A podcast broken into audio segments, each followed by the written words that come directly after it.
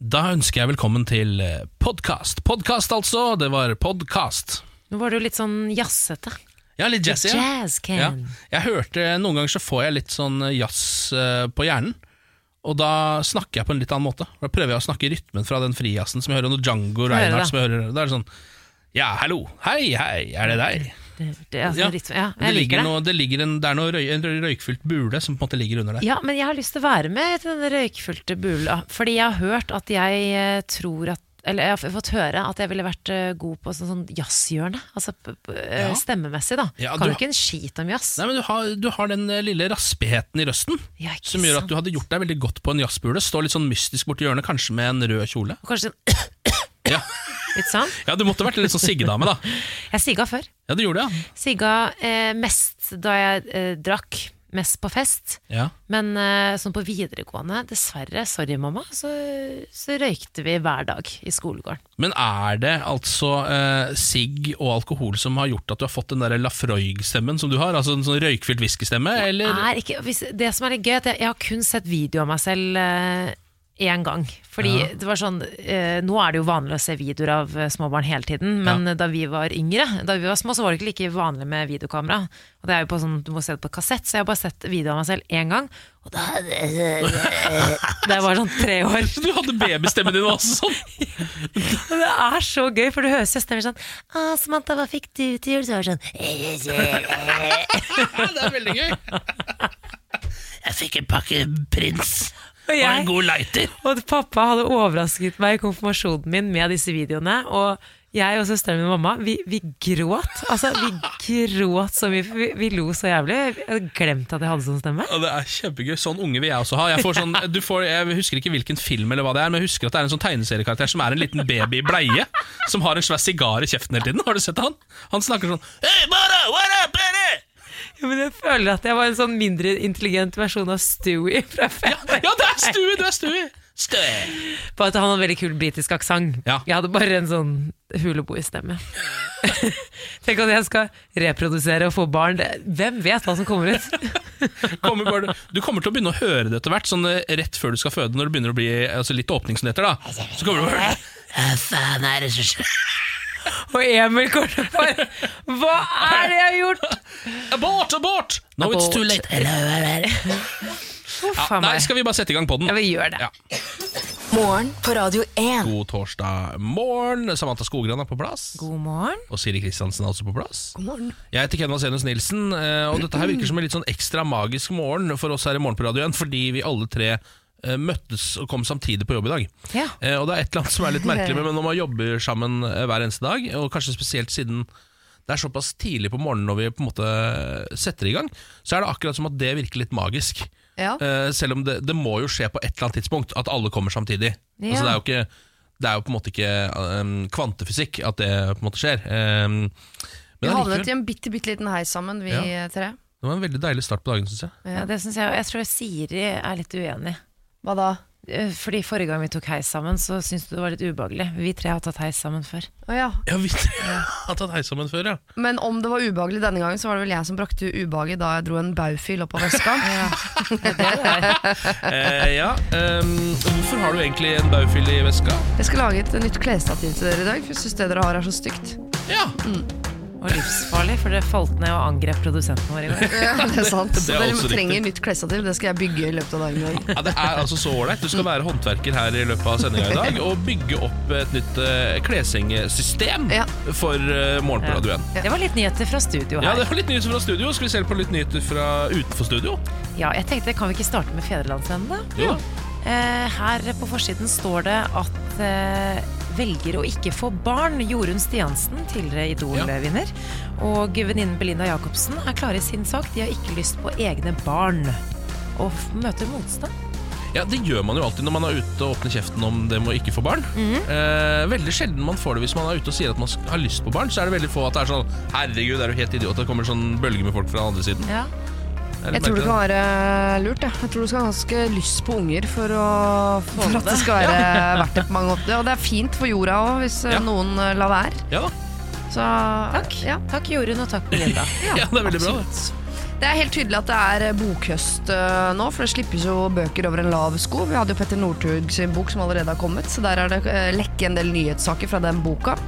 Eh, Hadia Tajik har jo eh, sluppet eh, bok, så der kan VG melde om at det kommer flere detaljer om den indre striden i Arbeiderpartiet. Ja. Bl.a. om hvordan Hadia ble holdt utenfor.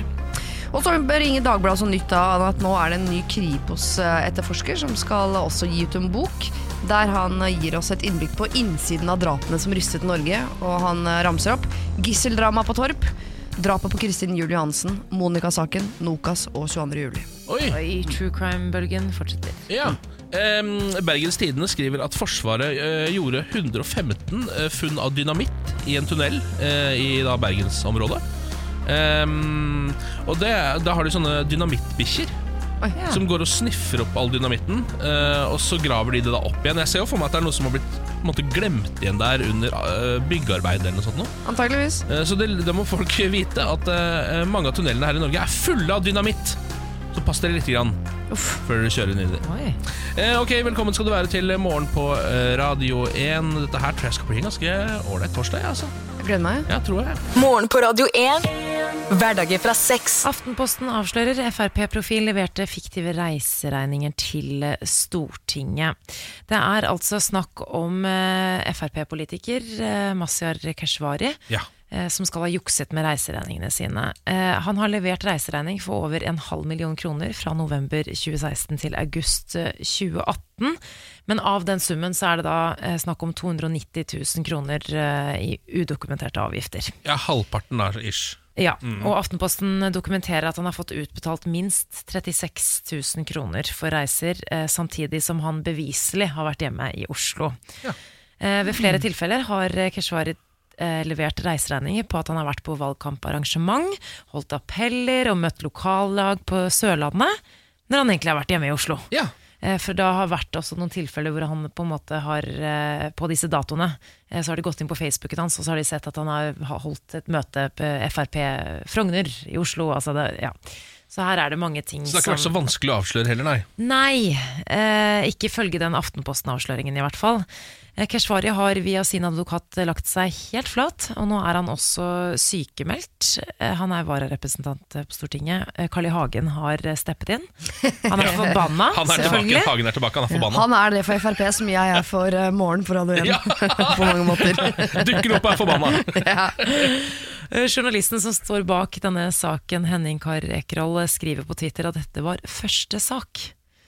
Ehm, som uh, Det er jo litt spennende, for det virker som det kommer flere. Uh, og som eh, journalist uh, i TV 2, Mathias Fischer, skriver, det er nok noen andre representanter som er litt nervøse i kveld. Okay. Og ja, så det kommer oppfølging med flere andre politikere som gjør akkurat det samme. Ja, Ifølge den TV, nei, TV 2-kronikken så, så kommer det flere. Og jeg nevnte jo Mathias Fischer, han skrev denne kronikken, og han skrev sånn For oss som syns reiseregninger er verre enn andre regninger, selv om pengene går motsatt vei enn vanlig, er det nesten mulig å være litt imponert over Mazyar Keshvari. Ja. Mindre imponert over eh, reiseregning, eller det systemet Stortinget har. Fordi Ja. tydeligvis, for han har jo ikke levert eh, Han har jo ikke levert liksom bevis på absolutt alt, men du får jo igjen altså, ja, Man har vel jo- sikkert huket av for sånn eh, Vært borte i mer seks til tolv timer innenlands, full diettaktig. Cha-ching, 739. Altså, det er sånne. Ja, ja, ja. Og der trenger du ikke noen kvitteringer. For han har jo ikke fysisk tatt en taxi eller fysisk eh, kjøpt seg noe. Han har bare krav på noe diett og noe overnatting og noe reisetillegg. Mm. Det er sikkert de tingene der. Ja, det er litt sånn som man bare stoler på at folk eh, Ja, egentlig. er ærlig på, egentlig. Ja, ja. Men det, ja, det det, han har på en måte Dette her er da politikerutgaven av på en måte å skrive av eh, en tur på restaurant eh, på enkeltmannsforetaket sitt. Mm. Og late som det er møte, skjønner du, jeg så, så jeg vet at mange driver med. Jeg tror dette er veldig veldig vanlig. Det er bare veldig veldig dumt. Altså Det er ikke bra uansett, men det er så dumt når du er i en posisjon eh, hvor journalister syns det er spennende å skrive om de feilene du gjør. Ja. Ikke sant? Du må være et anonymt menneske for å drive og eh, snuske med skatt og avgifter og eh, Ja. andre penger og midler. Kan, du kan ikke være en offentlig person.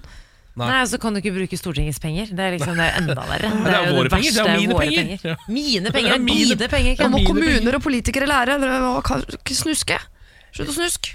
Jeg frykter at humoren min er i ferd med å forandre seg litt med alderen. Eh, og dette er ikke bra i det hele tatt. Eh, nå har jeg begynt å synes det er ustyrtelig morsomt med ting som ligner på kjønnsorganer, men ikke er det. For eksempel dette vulvaskjerfet som har dukket opp. Har du sett det? Ja, ja. Det er noe sånn Fendi, det er sånn luksusmerke. Eh, koster 7000 spenn, og så er det rett og slett en vagina som du bare har rundt halsen. Ja.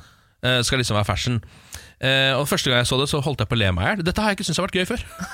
det, det, nå sy- nå syns jeg dette er veldig gøy. Og så så jeg Deadpool 2 i går. Å, det er en morsom film! Det er ganske morsom, ja, det er veldig morsom det er film. veldig gøy, da. Det Oi, oi, oi. Ja, den, den filmen er morsom. Så det er ikke det at jeg, jeg skammer meg ikke for at jeg lo av den, men det jeg lo mest av i hele filmen, var en pickup truck som kjører forbi, og så viser det seg at nede ved ehm, der, der hvor man har hengefeste, så har den hengt et par sånne baller som driver og Det er gøy. vingler akkurat som en Wunderbaum, bare ute.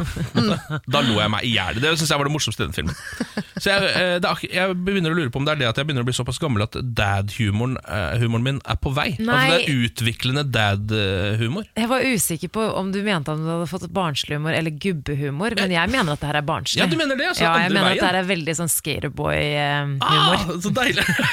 så deilig. Gratulerer. Så det hoppa jeg egentlig bare over det da jeg var yngre og lo av litt mer Jeg vet ikke helt hva jeg lo av da, men jeg føler at det var smartere ting enn det der nå. At det blir dummere ting Ja, du det slår meg litt som en, du slo meg som en sofistikert type da vi traff hverandre. Takk for det, men det jeg klart å Men nå det. er du du finner sånn Ja.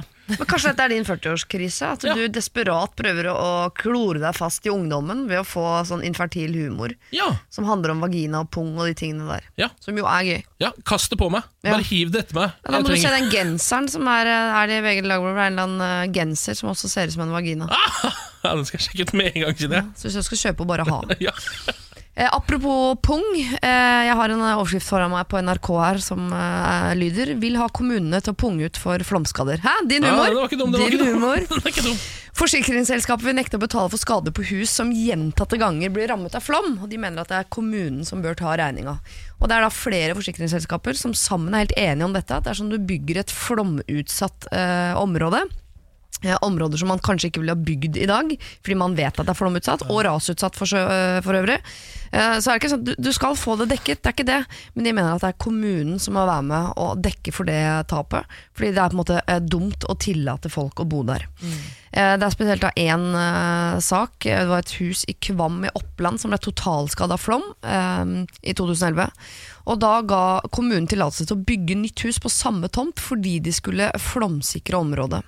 To år senere ble det samme huset tatt av flom, og Gjensidige har da betalt ut erstatning til huseier, men de har rettet et regresskrav mot Nord-Fron kommune for å få pengene tilbake. Jeg vet ikke akkurat hva regresskrav er, men jeg skjønner hva det er. De vil ha tilbake pengene Ja, sine. ja. Uh, og uh, blant annet den som heter Thoresen Gjensidige tror det vil komme flere slike saker i uh, fremtiden, eh, hvor kommunene rett og slett da må punge ut eh, hvis det er sånn at det er eh, hus i flomutsatte områder som har blitt tatt av flom.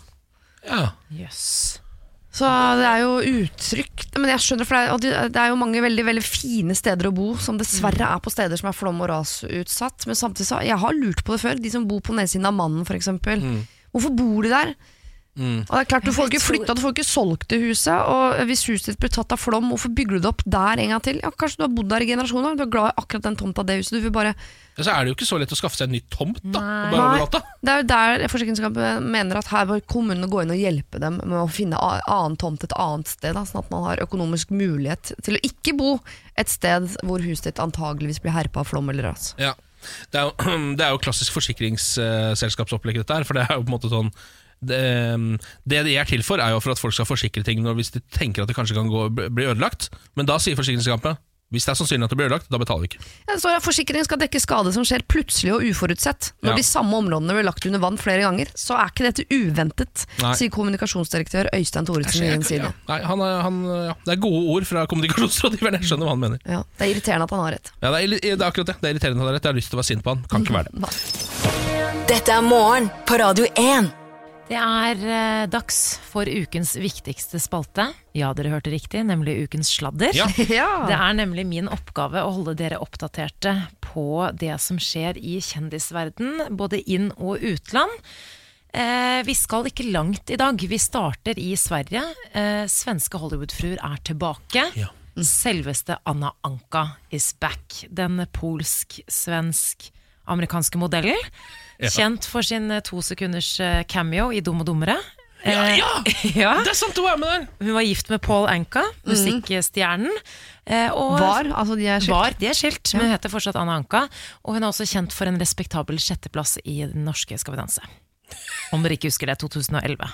Ja. Eh, I ukens avsnitt av Svenske Hollywood-fruer går Anna Anka til angrep på sin, mot sin å si, rival, Elena Bell. Eh, svensk TV3 ble tvunget til å stanse produksjonen eh, før det faktisk gikk over til en fysisk eh, oh, ja, såpass, ja. De begynte å krangle de Jerry Springer hadde ute i typ. Ja. Kan forklare bakteppet. Eh, Anna Anka og Hollywood-fruen Eliana Bell eh, har hittil ikke kommet godt overens. Eh, I forrige ukes avsnitt så dro Hollywood-fruene på en slags sånn teambuilding. De skulle campe. Eh, men etter kort tid så valgte da Hollywood-fruen Elena Bell å reise hjem til mann og barn. Eh, og det syns ikke Anna Anka noe om. Eh, hun liker jo ikke Elena Bell, for hun mener da at Elena Bell har, har ligget seg til fame, da, kan du si. Giftet Ja. seg inn i fiffen. Var det ikke det Eh, Anna Ikke det hele konseptet bak hele programmet. Og når gjengen skal på pressefotografering denne uken, eh, ja, da eskalerer det seg til en stygg krangel. Hør på. lägga. Du har alltid holdt kjeften innan så hold kjeften nu. Jo det har du visst det. Anna, jeg har i alle fall vårdnaden om mitt barn. Oh, er du kaxig nu? Hvorfor forteller du til att jag att inte du har drar deg til pengene og din livsstil? Du er en jävla Är det sant? Ja det är det. Det är absolut sant. Vi pratar om bra mamma. Er det, Er det sant? er det H-ordet hun bruker der? Eller? En jævla hore. Ja, og så bare Ja, ja. Er det sant?! Det syns jeg er bra å spørre om. Det, Altså, det er så gøy. Det her er på en måte Jeg vet ikke om det er ti år etter hun eh, kom altså, Nesten ti år siden da hun var med Hun var på TV for første gang. De blir jo ikke noe klokere. Nei, nei, nei. nei, nei. Eh, jeg er jo personlig overlykkelig for at de svenske Hollywood-fruene er tilbake. Eh, god reality. Anna Anka er jo verdt å lytte til. Hun kommer jo med et av de beste rådene kvinnen noen gang har fått. Om din man vil ha at du suger av ham varje morgen det første han gjør når han våkner, ja da får du stelle opp med det som fru. Hører du, Siri? Ja, jeg må stille opp som fru. Eh, jeg er heldigvis da ikke gift, så akkurat den den delen eh, Og du slipper den. Ja, jeg har ikke kontraktfestet noe suging så langt. Nei. Nei, så, Så bra, eh, kan jeg gå under radaren. Går eh, videre til en overskrift eh, som jeg la merke til i går på seher.no. Jeg tjener jo ingenting nå, sier en tidligere toppidrettsutøver. Og nå synder jeg jo litt som journalist, eh, for jeg er jo indirekte direkte involvert i denne saken. Eh, Skittau, sladder er sladder. Er? Den tidligere skiskytteren og langrennsløperen, det er han ikke. Emil Hegle Svendsen kom i april med sjokkbeskjeden om at han skal legge opp karrieren. 33-åringen har gått fra en fullstappet timeplan til å ha enormt mye fritid. Søndag gjestet 33-åringen podkasten The Kåss Furuseths med søstrene Else Kåss Furuseth og Cecilie Ramona Kåss Furuseth. Der fikk Emil bl.a. spørsmål om hva han bruker tiden til etter at han valgte å legge skiene på hylla. Han eh, sier følgende Det har vært en befrielse. Frem til nå har jeg egentlig ikke gjort noen ting siden jeg slutta. Jeg har egentlig ikke hatt noen jobb, og jeg har ikke trent. og på spørsmål på hva han skal tjene penger på nå, det lurer jeg også på, sier Emil. For jeg tjener jo ingenting nå. Jeg har ikke vært bekymra. Men eh, en dag må man jo få seg en vanlig jobb. Folkens, jeg har blitt sugarmama i ordets rette Ja, forstand. det har du Og faktisk. jeg har lever på deg, han. Lille trygdesnyltedyr. For en, for en djevelus har han, han har ingen altså, ehm, Men Det er jo fordi han har vært toppidrettsutøver, men han har Ja. ingen skam eh, bak ordene når han sier 'jeg gjør ingenting', og 'jeg trener ikke'. Nei, Hvis jeg hadde sagt det, så hadde jeg blitt lynsja. Ja, og han, det var jo også den overskriften var jo hans, Det var jo hans egne ord. Ja. Jeg tjener jo ingenting akkurat nå. Og det er liksom, men eh, så den, det er jo ikke noe Det er jo sannhet i den overskriften, men han, kan jo, han har jo muligheten til å være pensjonist litt nå, da.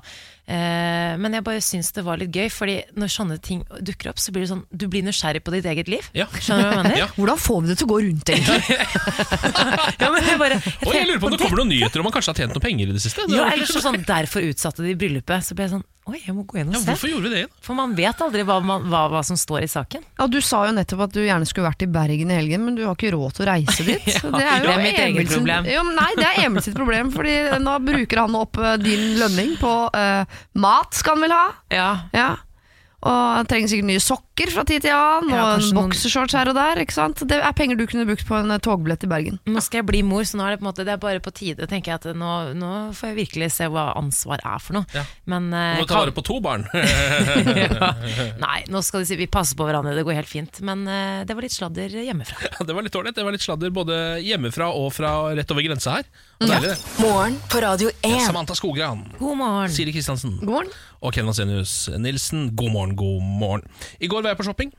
Eh, og da går jeg inn i et helt spesielt modus, for jeg er ikke veldig glad i å shoppe. Det vil si, jeg har ikke noe imot eh, selve eh, utvekslingen av penger mot varer. Det har jeg ikke noe imot, men jeg har noe imot prøvingen. Prosessen. Prosessen, eh, vandringen rundt, eh, svettingen rundt på kjøpesentrene, av og på med bukser og gensere og jakker og alt det der. Oh, ja, for jeg trodde du skulle ha hodeplagg og sko, men du gikk for eh, alt imellom der òg. Nei, jeg skulle egentlig ha hodeplagg og sko. Ja. Det Du var kjempesøt, for du spurte oss om tips i går, men det var det, var ingen som hadde noen veldig Nei. gode tips på luer og sko. Uff. Det skjønner jeg litt, for det er såpass enkle varer at man tenker det går av seg selv. Og Det er derfor det er litt vanskelig å kjøpe nå. Ja. Eh, Men jeg endte opp med å gå på en skobutikk som jeg fikk et tips om, hvor det er veldig mye som er eh, på nedsatt, til nedsatt pris. Og var det på Grim borti gata her? Ja? Grim borti gata her, ja, stemmer det. Eh, Der er det veldig ålreit, fordi der er det veldig mye som er sånn 40 til 60 eh, på en måte, så det er ganske billig, da. Er det en vanlig klesbutikk? Nei, det er egentlig mest sko, og så har de noen ytterjakker og sånn. Jeg får litt sånn Det er på en måte som en promille av en outlet. Altså Ja. Bitte liten outlet er det på en måte. Ja, det var Eh. ekstremt populært blant uh, hiphopperne på 90-tallet. Ja, de, ja, ja. altså, de dro ned til sentrum for å dra Ja. på Grim. Ja. For Der solgte de LP-er, skateboard, sko er og hettejakker. ja. Jeg dro dit for å se på gutta som jobbet der. Det skjønner jeg veldig godt. De har fortsatt mye av de samme tingene. Um, og så er det jo uh, rimelig, så det er litt ålreit. Men det som jo skjer når man har sko til nedsatt pris, er jo at de har aldri de størrelsene som er de vanligste. Og jeg har skostørrelse 43. Den vanligste størrelsen i verden. Ja. Veldig vanskelig, jeg er helt utplukka da. På Ja. måte. Så når jeg kommer ned der, så ser jeg sånn Ok, her er det nesten gratis sko. De hiver sko etter meg, men ingen passer. Eh, så det som da skjer med meg, er at med en gang jeg setter meg ned og begynner å prøve én sko, da, dette vet jo ikke han som jobber der, men da er jeg fanga. Fordi da kommer jeg til å kjøpe noe der inne. Hvis jeg har vært innom ett prøverom et sted og gjort den investeringa, så kommer jeg, til å, jeg kommer ikke til å gå tomhendt ut fra den butikken. er Er det fordi du syns det er flaut fordi du har på en måte eh, Nei, belemret dem eh, tiden deres? Nei det, er, nei, det er faktisk fordi at jeg da har, føler at jeg har investert en innsats. For jeg syns det er så slitsomt å stå på prøverom. Ja. Ja. Eller å sitte og ta av seg skoa og jekke på seg nye sko og putte inn lisser og sånn. Jeg, jeg vet ikke hvorfor, men det er sånne ting jeg, jeg bare liker det ikke. Um, så det som da skjer, er at jeg sitter på en måte der, og så er det jo ingen sko som passer, Fordi de har jo ikke noe i 43. Nei. Uh, og til slutt så må jeg bare si det til han fyren. Da har jeg prøvd sånn fem-seks par sko og skjønner at altså, jeg går, reiser meg ikke opp herfra før jeg har fått et eller annet jeg kan kjøpe. Eh, det er, blir sånn askepott at hvis det, hvis det passer på foten min, så er det meant to be. Ja. Da tar jeg det bare med meg ut i, ut i verden. Så jeg sier til slutt han bare sånn derre Ok, jeg kommer til å kjøpe noe her, nå må du bare finne en sko som passer meg. Det er nesten så jeg driter i om den er stygg, eh, om den er dyr, den kan være på full pris. Du må bare finne et eller annet til meg. Og da viser det seg til slutt at de har altså én eneste sko i størrelse 43. Det er 43 og en tredjedel til og med, så den er litt for stor, men det går greit. Var det en glassko med litt høy hæl? Nei, men den var eh, grå og litt sånn sølvaktig, så det ligna litt på en Askepott-sko, faktisk. og den tok jeg da på meg, og gikk altså, så fornøyd ut av butikken, eh, selv om jeg gjerne kunne ha kjøpt litt finere sko. Ja, for da har du ikke på. deg. Nei, jeg har det ikke på meg! Da. Jeg kommer til å vente litt på å bruke de, men jeg har kjøpt det. Det er mission accomplished. Det er akkurat som jeg er på jakt. Altså, Et eller annet skal hjem og spises, det er samme hva det er. Ja, Sånn du kjører over et pinnsvin på vei hjem fra seks uker i marka, liksom, så blir det det. Da blir det roadkill masala i dag. Det der. Sånn Du trenger hjelp, Ken. Stakkar. Har du vurdert nett? Vet du, du får kjøpt klær på internett nå, Ja, hvor du kan plotte inn skostørrelsen din, blant annet. Ja. Det er ikke så dumt. Nei, men Akkurat på sko er det lurt, men på alt annet vanskelig å vite om det passer. Ja, men da kan man jo spise seg opp eller ned i de klærne. Det driver jeg Spise seg opp eller Nei, ned i på Siri, klærne. Det er det dummeste tipset jeg har hørt. Altså, vet du, jeg har masse klær på loftet. Noe er for smått, noe er for stort. Som jeg driver spiser meg inn og ut av. Ja. Veldig økonomisk, utrolig smart. har jeg lest en bok eh, som BE ga ut i sin tid. Miljøvennlig òg. Dere, vi skal til eh, Kina. Jeg skulle egentlig gjerne altså det er, eh, Jeg vet at kongen er i Kina nå. Jeg vet også at det er en del eh, musikkartister i Kina nå. Ja. Altså det er, det er en delegasjon i Kina nå. Det er akkurat som Det virker som sånn Ok, vi har klart å chartre et fly til Kina. Kongen skal. Hvem andre har interesser av å bli med? Ja. Og da har på en måte musikkbransjen meldt Folk har meldt seg. Ja. Så jeg har fylt altså, opp et fly med nordmenn som nå er i Kina i en viss tid. Noen skal skrive kontrakter, noen skal holde konsert, noen skal klippe snorer. Ja, Noen skal lære de langrenn, for det var jo en del av dealen. Det skal du også gjøre. Eh, Blant annet så er statssekretær i Olje- og energidepartementet Ingvild Smines Tybring-Gjedde eh, i Kina. Og da var hun med på en eh, middag hvor også president Xi Jinping eh, var eh, deltaker. Eh, det var antakeligvis hans middag, han som inviterte til bords. Og eh, han reiser seg for å holde en tale hvor han snakker om at han er så imponert over den norske samfunnsstrukturen. Og så forteller han da om en studietur til Norge for ca. 40 år siden. Han var med selv som 26 år gammel ansatt i kinesisk UD, og han fikk lov til å besøke et norsk arbeiderklassehjem. Det er da frøken Tybring-Gjedde våkner og tenker hm, da jeg var bare 14 år, så hadde vi da vitterlig besøk av noen kinesere som skulle se på et norsk arbeiderklassehjem. Så hun tenker jeg har møtt den kinesiske presidenten før! Oi. Men da var jeg bare en 14 år gammel arbeiderklassejente, og han var bare ansatt i UD. Eh, og hun husker hvordan moren hadde pisket henne rundt for å rydde, for nå kom kineserne, og de hadde stappet alt inn i et skap, for nå kom kineserne, og kineserne åpnet skapet, og alt ramlet ut. Ikke sant? Så hun skjønner jeg har møtt han før, og skriver da en eh, lapp som hun sender bort til utenriksministeren, hvor det står Jeg tror jammen meg jeg har vært Jeg tror jammen meg han har vært hjemme hos meg. Skriver da frøken Tybring-Gjedde, som jo er en uh, lapp det er lett å, å misforstå. Jeg hadde tenkt sånn Useless! Hadde jeg tenkt med en gang. Uh, som da blir uh, overlevert til presidenten. Og da kommer presidenten bort, og Liu og frøken Tybring-Gjedde har da en liten passoar hvor de snakker sammen om, om gamle dager og deres forrige møte. Hva er oddsen, liksom? Hvis du skal treffe en kineser to ganger, så er det den samme kineseren. Ja, det er jo åtte ja, milliarder kinesere. Men det der er networking på høyt nivå. Ja, det er jo det. Ja, ja. Og så blir jeg litt glad, for jeg tenker sånn Vi har hatt litt uh, vanskelig forhold til Kina i noen år nå, etter at vi ga fredspris til Liu Xiaobo. Eh, Da har jo kineserne vært bitte litt grann sure på oss. Og jeg tenker at Det er sånne små tilfeldigheter som dette. Som at frøken Tybring-Gjedde som 14-åring eh, har skurt gulv for å bes få besøk fra en ambassade som så blir president. Ja. Som gjør at alt det der kan være glemt. Nå ser jeg for meg at forholdet mellom Norge og Kina kommer til å være tilbake på der det var for ti år siden. Herregud. Ja, det er Så være det er, greiene der. faktisk har diplomatisk verdi?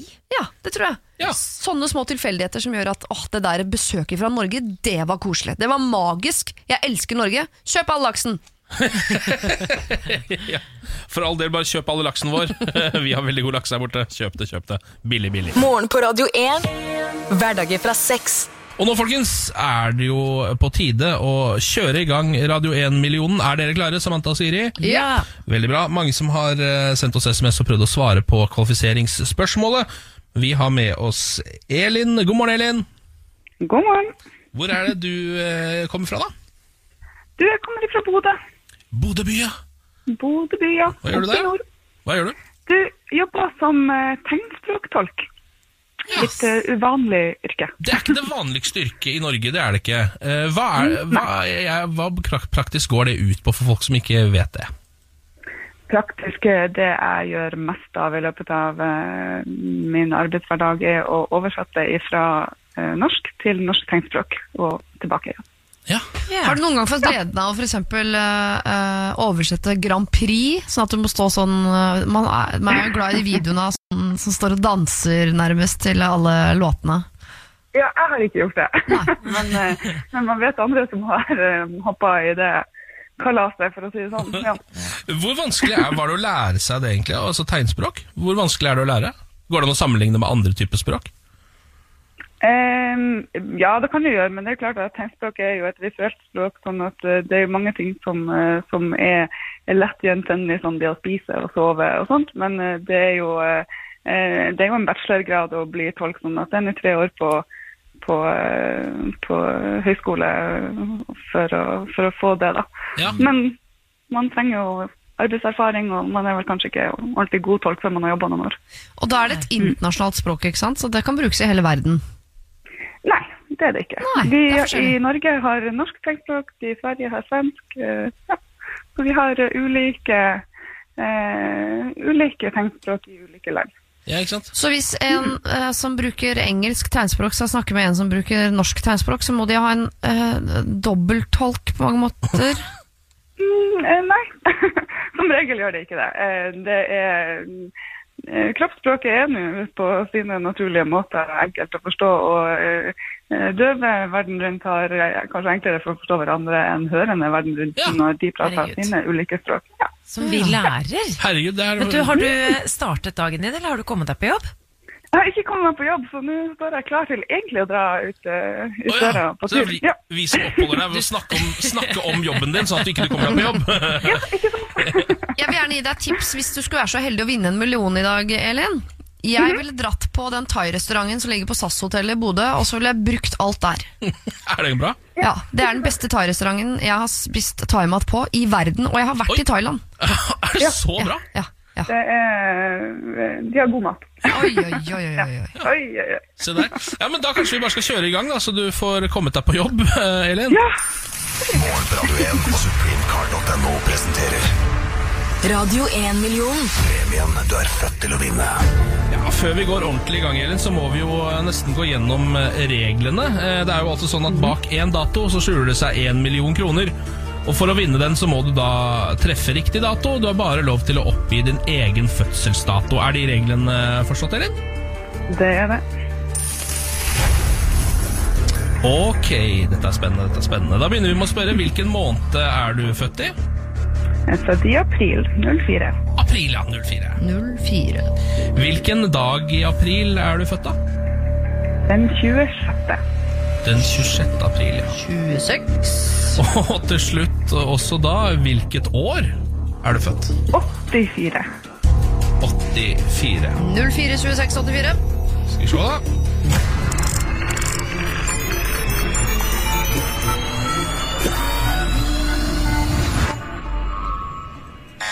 Nei, Nei det, var, det er et eller annet med Kanskje jeg begynner å bli litt naiv, men jeg har liksom litt troa hver gang. Altså. Nå, nå tenkte jeg at nå blir det.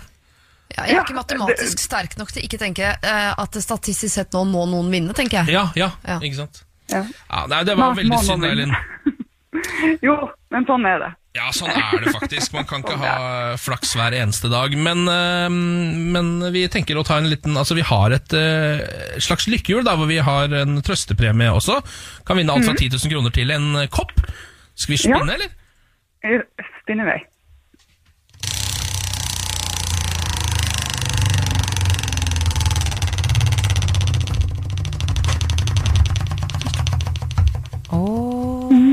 Kopp, kopp, kopp, kopp. Ja.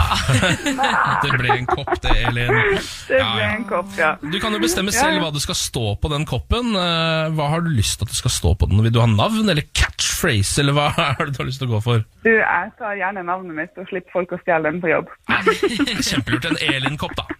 En Elin-kopp, ja. Da sender vi en Elin-kopp eh, av gårde til Bodø, og så får du egentlig bare komme deg på jobb. Så får du bare skylde på oss. Jeg vet ikke om det er god nok grunn, det kan godt hende du får sparken allikevel, men hvis du kommer for seint, så skyld på oss. Det skal jeg gjøre. Ok, ha det bra. Ha det. Morgen på Radio 1 og supremecard.no presenterer Radio 1-million. premien du er født til å vinne. For din mulighet til å låse opp millionen, lytt hver morgen 10 over 7. Radio 1 er dagens største hits. Og én million kroner hver morgen. Radio 1. Morgen på Radio 1. God torsdag morgen. Se her, ja, nå har du fått, får du deg en eh, riktig eh, skrutrekker nå, Siri. Jeg driver og rigger og orger så jeg får meg en ordentlig skrutrekker. Ja. Ja. Ja, for jeg skal jo uh, skru små skruer inn i uh, hard, hard eik, som er jo det, et av de hardeste treslagene vi har. Ja. Med mindre man reiser til regnskogen og er grusomt menneske. Ja.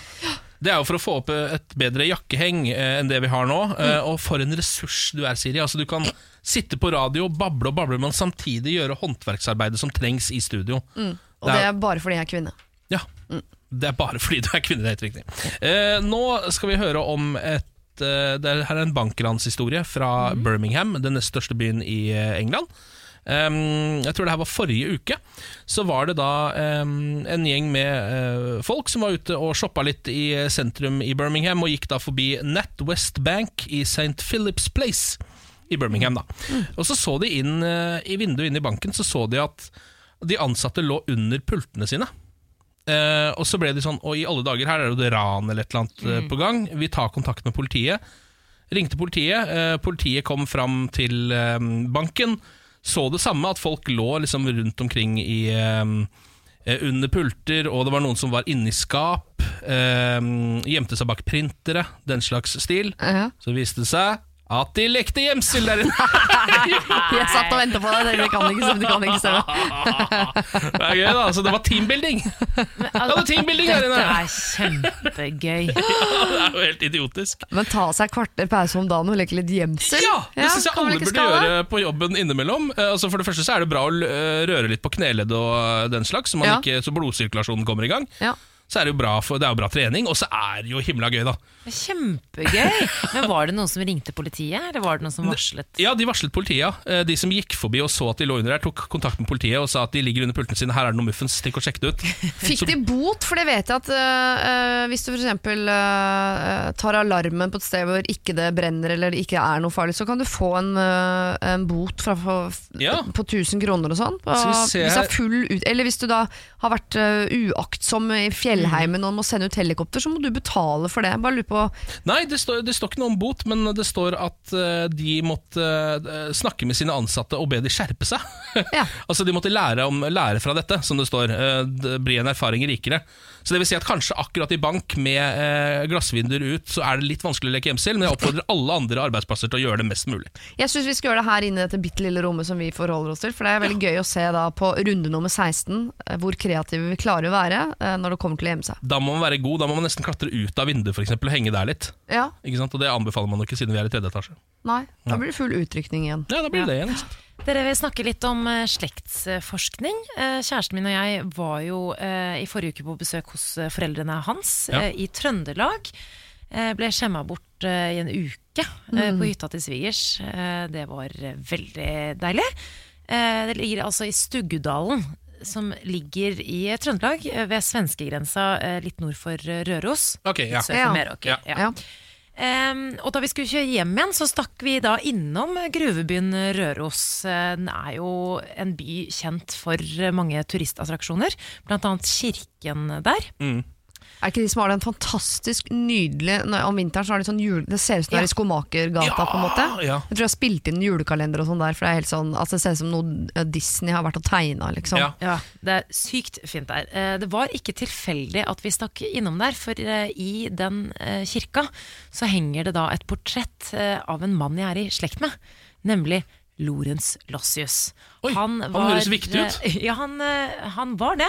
Eh, Han var en av de første som startet gruvedrift i Røros-traktene, og eh, grunnla også Røros kobberverk, Ja, eh, om Ja. ikke jeg tar helt feil. Vi ligner. Det er tolv ledd mellom oss. ligner, ja. Han har svarte, mørke krøller, eh, og har liksom litt, litt av de samme trekkene. Veldig gøy. Ehm, så det var jo kjempegøy å se denne, dette portrettet. Det er jo bestefaren min, eh, som er fra Trøndelag. Det var han som fortalte meg om denne historien eh, her, da. Det er jo hans eh, slekt. Ja, Så sånn, kan det vise at dine mørketrekk ikke kommer fra Mexico i det hele tatt, men at de er fra Røros. Nettopp. Og jeg har altså krøller, mørke krøller, men de Ja. krøllene er ikke fra Mexico. De er fra tanta mi. Eh, norske tanta mi. ja. Ja. Ja. Veldig gøy å oppsøke slekt og slektshistorie. Um, Jeg liker også bare, jeg må skyte inn, jeg liker at du driver med slektsforskning på den måten, for de fleste gjør det på internett. Mens du reiser faktisk rundt omkring i verden og prøver å finne ut av det. På gamlemåter i Trøndelag. Morsomt at du sier det, Ken. Fordi Skogran-slekta eh, den er fra Trøndelag. Det vet jeg. Em, men så har vi da mors side, fra Mexico, og der har jeg aldri Jeg har vært der én gang, da var jeg fem år, og husker ikke så mye. Men så tenkte jeg sånn, nå har jeg litt lyst til å finne ut hvor jeg kommer fra sånn, i Mexico. Hva er historien der? For vi kan ikke nok om det. Ja. Så jeg har lyst til å være med på sånn uh, Fins Alt det sånn Mexico. hvem tror, du, hvem tror du at du er? Oh, ja. Men utenlandsversjon. Kan ikke NRK Ja. eller TV 2 starte med noe sånt? nå? For tenk så kult å se altså, I Mexico der har det skjedd mye. Spanjoler, indianere. Ja, ja, ja, ja, ja. Jeg vil jo vite hvor jeg stammer fra. Ja. Kanskje en narkobaron. Åh, tenk deg fett, da, det det var noe kartellgreier inni der. Eller alt for Mexico. At det reiser en sånn gjeng med eks-meksikanere som skal prøve å finne tilbake til røttene sine der nede. Ja. Dette må vi få det på! Få det på. si. Kanskje det er en tacomester. Altså, Ja. du vet jo aldri. Ja, det har vært helt Mest sannsynlig narkobaron. Ja, mest sannsynlig. Mest sannsynlig. Eh, tidligere kollega av deg antageligvis, Samantha. Julie Strømsvåg. Ja. Mm, hun er Pepsi Max eh, Ikke avhengig, men glad i Pepsi Max. Eh, jeg ser på et bilde av henne, for hun har vært med i en test. Og dette er eh, en sak på tv2.no. Ja, det er hun som, Som for jeg eksempel leder fotballsendingene på TV 2 og landskampen og sånn. Ja. Veldig mange som leder de sendingene, har en sånn brus-addiction. Ja, ja, de har det. ja. Eh, er ikke Davy Vatne er jo eh, Coca-Coliker, blant annet. Stemmer. Ja. Eh, og folk er jo i dette landet veldig delt mellom Coca-Cola og Pepsi. Eh, selv er jeg Pepsi Max-jente. To da bon. Ja, derfor så klikker jeg meg inn på sånne overskrifter som 400 nordmenn har talt. Dette er folkets soleklare favoritt. Nå syns jeg 400 nordmenn er litt smalt utvalg. For å være sånn ikke for å pirke TV 2, det syns jeg er litt grann få folk. Men, men. Det er i hvert fall talt, og det viser seg da at Cola uten sukker fikk 169 av stemmene, mens Pepsi Max fikk 231 stemmer. Eh, så eh, Pepsi Max er den store vinneren. Jeg syns det er gøy, for det er ingen land i verden eh, hvor Pepsi Max er så populært som Norge. Amerikanerne, altså, amerikanerne som sitter nede og produserer Pepsi Max, klør seg i huet over hva det er med denne lille, rare nissenasjonen Norge, som altså er så glad i Pepsi Max at det drikkes mer Pepsi Max enn det er folk i dette landet. Drikkes det mer Pepsi Max blant kvinner enn menn i Norge? Oi, det vet jeg ikke. Ja, for jeg tror det anses som en feminin brus, og det er derfor de lagde Cola Zero, for at det skulle være mannebrusen. Om ikke Ja. feminin, så ja, i hvert fall sånn For jeg, jeg, eh, er ikke så glad i brus. Jeg er glad i veldig mye annet med sukker. Men uh, nå er jo kanskje ikke Pepsi Max er jo uten sukker, det er hele poenget? Eller? Ja, det er hele poenget, men Ja. det er jo, altså, det er jo Aspartam, eller ja, hva det er oppi der. Ja, ja, men det du, Men jeg- Man kan dø alt. Men er det, er det ikke sånn at eh, jeg syns jeg sjelden ser Du er glad i Pepsi Max? Jeg er en Pepsi Max-drikker, ja. Jeg tar meg en Max, jeg. Ja, Vi startet jo dagen i dag, vi møtte hverandre utenfor Narvesen. Da hadde jeg kjøpt en Pepsi Max til meg og en til deg, Ken. Ja. Ja. Men vi har visst litt sære brusvaner her i Norge, for det er jo Urge er jo det samme. Altså Det er jo ikke noe stort i det hele tatt i USA. Nei, Der heter det jo Surge og bare gikk ut av produksjonen for lengst, tror jeg. Mens her i Norge så selger de jo fortsatt altså, som hakkande smøkk. Og jeg elsker det. Og jeg, men jeg vil bare avslutte med en appell til Coca-Cola, hvis dere hører på. Jeg har tre ut, eh, års utdannelse fra Westerdals reklameskole. Mm, ja. Jeg tror det grepet de har gjort nå med å lage Coca-Cola og Coca-Cola sukkerfri helt like i designet, det er en kjempefeil. Hvis jeg først skal gå på gata og drikke brus, så vil jeg få sagt fra til alle som går forbi meg at jeg drikker sukkerfritt! Det er helt riktig. Jeg kunne jo aldri gått på gata og drukket blodcola. Det ville jeg synes var flaut. Det ville jeg skjult. Mens en, eh, hvis det er helt tydelig at å ja, du drikker sukkerfritt, selvfølgelig, da kan jeg gjøre det. Jeg tror du kommer til å tape masse kunder på det greiene der. Jeg tror ikke Coca-Cola Company uh, altså, um, skammer seg like mye over blodcola som de resten av verden gjør. Nei, men det der burde lære når Pepsi Max ligger langt foran dere fra før. De kommer til å dra fra noe så inn i granskauen de neste åra. Ja. ja, Der får du altså dine markedsføringstips fra Siri Kristiansen. En, eh, Første runde er gratis. Første runde er gratis, andre runde er veldig veldig dyr. bare så det er sagt. Morgen på Radio 1. Hverdager fra 6. Hei! Drapet på eh, Majorstuen i Oslo kan ha vært et mislykket ransforsøk. Politiet i Oslo har eh, ifølge NRK en teori om at eh, 24-åringen som da ble funnet knivstukket på Majorstuen på mandag, kan ha blitt drept fordi han hadde mye penger hjemme. Eh, tidligere onsdag kveld meldte da TV 2 at kilder i politiet hadde fått inn tips om at 24-åringen vekslet ut bitcoin i en stor pengesum Ja. Eh, rett før han ble funnet død i leiligheten sin i Arbos gate på mandag. Og Ifølge tipset så ble jo deler av dette beløpet oppbevart i leiligheten. Ehm, og flere personer i 24-åringens omgangskrets skal ha visst om disse pengene. ja, ok. Eh, og det har også kommet frem at den leiligheten han delte med andre, altså dette kollektivet, lå jo på bakkeplan. Og ifølge NRK så var det helt vanlig si, blant dem å klatre inn og ut av vinduet der. Ja, vinduet så det var ganske åpent. Lett inngang, da. Um, så nå jobber faktisk politiet uh, med en teori om at den ukjente gjerningspersonen har sneket seg inn gjennom uh, denne balkongen, da, eller vin gjennom vinduet. Nå har de jo i hvert fall en teori, da. Altså Fram til nå nylig så hadde de jo ikke et spor, virka det som, i den saken. Det virka som det var helt dødt. Ja. Og så er det på en måte Det er en sånn litt spesiell sak, for det var på en måte Det virket som det på en måte bare var en helt vanlig guttegjeng som satt og, og gamet, og så plutselig bare skjedde det et eller annet gærent. Og så hvem som er involvert, og hvem det, det er liksom, den, er, den er litt ekkel, den saken. Men noe må jo ha gått galt uansett. Eller min hjerne klarer i hvert fall ikke å oppfatte at noen er villig til å knivstikke et fremmed menneske for å få tak i eh, en sum penger. Nei. Altså det forstår jeg, det må jo Det I, så fall må det ha vært sånn, et, da. Det det må ha vært et ran motiv. som gikk galt, Mm. i så fall, håper jeg. Ja. At, ikke man, at vi er der at folk tenker sånn Jeg har lyst på penger, jeg dreper et annet menneske. Ja. Men, han, men så, det sto jo mislykket ransforsøk, men han ble jo knivstukket mer enn 20 ganger. Og det er liksom Én ting er hvis du ved et uhell er borti, eller altså et eller annet, men 20 ganger Ja, det kan jo være affekt, da, men eh, For det høres ut som det er noe sinne involvert der. Ja. Nei, men det, ja, man, jeg tenker jo litt sånn at man skal faktisk være litt sånn forsiktig med å snakke om penger, nesten. Altså sånn, eh, Hvis du har ikke har pengene dine på bok, men har de løst, så liksom må ikke folk få vite det. Nei, det er Eh, sant. Plutselig så ja, kan det skje forferdelige ting. Um, vi eh, følger jo en lokalavis gjennom hele denne uka som heter Firdaposten. Mm. Uh, Det er en tredagersavis. Den utgis i Florø, som ligger i Sogn og Fjordane. Uh, Dekker da også Bremanger kommune. Og så må vi også påpeke at den må ikke forveksles med Firda. For det er det mange som gjør. Firdaposten og Firda er to forskjellige aviser som dekker samme område. da Jeg er veldig glad for at du sier det, for jeg glemmer Ja. det hver dag. ja, du glemmer det hver dag, ikke sant? Uh, Vi har vært innom saker som at Nest Sotras keepertrener er utestengt etter grove twittermeldinger. Han hadde da um, kalt hele den norske dommerstanden for udugelige Ja. fotballdommere. Jeg likte ikke noen av de. Han sa det han eh, var, eh, var ikke én spesifikk dommer han eh, var sur på, men han syntes alle var helt totalt idioter. Det sier jo noe om at eh, Firda ikke er langt nok nord, for hadde, det der hadde ikke skjedd hvis man hadde vært lenger nord i Norge. Ja, hvordan da? Altså Nei, En nordlending kunne uh, Ja. kalt hele dommerstanden for udugelig, og det Ja. hadde nærmest vært som et kompliment å regne. ja, ja, vi har jo vedtatt det at nordlendinger kan skjelle ut uh, hele Norge, mens uh, hvis man kommer lenger, så er ikke det like greit lenger. Eh, nå har jeg en sak her som handler om eh, en fyr som har stjålet jæskla mye greier. Mann i 20-åra sikta, sikta for i alt 13 tjuveri i Florø det siste året. En mann i 20-åra er sikta for alt 13 tyveri i Florø og eit i Førde, står det også. Det stadfester påtaleeininga ved Florø politikammer overfor Firdaposten tirsdag ettermiddag. I en periode fra høsten 2017 og fram til august i år skal mannen ifølge siktinga ved flere høve ha stjålet verdisaker ved et treningssenter og fra flere av butikkene i og utenfor bysentrum. Um, og det som jo er litt Altså, Florø er ganske lite sted. Eh, det bor vel 8000-9000 mennesker der. Jeg har sjekka at på det lokale amfisenteret så tror jeg de har 12-13 butikker. Så denne mannen har altså rana hele Florø. hele Florø, nesten. Han har, vært, hvis, altså, han har stjålet fra alle butikkene på amfisenteret, eksempel. Eh, og et treningssenter og ett sted i Førde.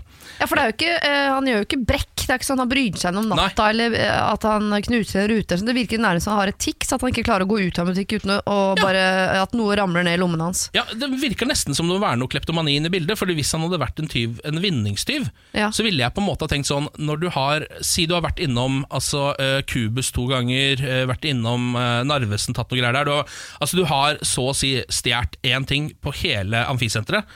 Så ville jeg på en måte tenkt sånn Nå burde jeg bytte by. Ja. Altså, folk kommer til å legge merke til dette. Folk snakker sammen. Det er et lite lokalsamfunn. Ja, kan det Kan hende han har gjort en risikovurdering på hva, eh, hva er mest lønnsomt på sikt, eller hva er best, hva gagner mitt liv i størst grad. Ja. Et kjempebrekk, eller mange mikro, mikro, mikro, mikrobrekk. Ja, og det har han jo kommet ganske langt med, da, for det var jo et år man kom unna med det. Men jeg synes det er um, Altså Nå skal man aldri applaudere tyveri, men jeg syns det er litt imponerende å klare å holde det gående så lenge Ja. på et så lite sted uten å bli tatt. Han gjør det jo for spenningens skyld. Ja, Det må For det være er jo ikke altså. for vinningen, på en måte. Og det er jo veldig mange sånn Ja, kleptoman. Det er jo mange som bare ikke klarer å la være. Ja, ja, det er nok det det går i, altså. Mm. Jeg håper han vokser det av seg, det greiene der. Ja, Men det må jo ha vært Det er sikkert mange av de ansatte som har oppdaget at han har Og der er han igjen. Men så tør Ja. de kanskje De bare De tar litt bedre vare på folka sine. Ja, Når det er litt mindre greit. steder. At de bare, vet du hva La bare Petter Ja. få gjøre det nå. ja, ja, ja. Ja, men De burde La begynne å legge ut noe fuglefrø eller noe sokkepar eller et eller annet ved inngangspartiet, sånn at han eh, noe eh, lipgloss eller noe utgåtte Ikke greier. legg ut fuglefrø til mennesker, det syns jeg begynner å bli Så skal han gå og spise de med nebbet sitt. Ja, men et eller annet som han stakkars kan putte i lommene sine for å få stagga kleptomanibehovet sitt og gå videre, da. Ja, ja. Jeg tror det er lurt. Lage ja. sånne falske varer, på en måte. Bare, det er egentlig ikke en vare, men de bare legger ut sånn. Ja, det er kjempelurt. Det burde jo alle, alle butikker gjøre. Legge ut noen falske varer eh, med en liten musefelle på. Ja. Så, da blir du tatt, da. vet du Da blir du rett og slett altså, tatt.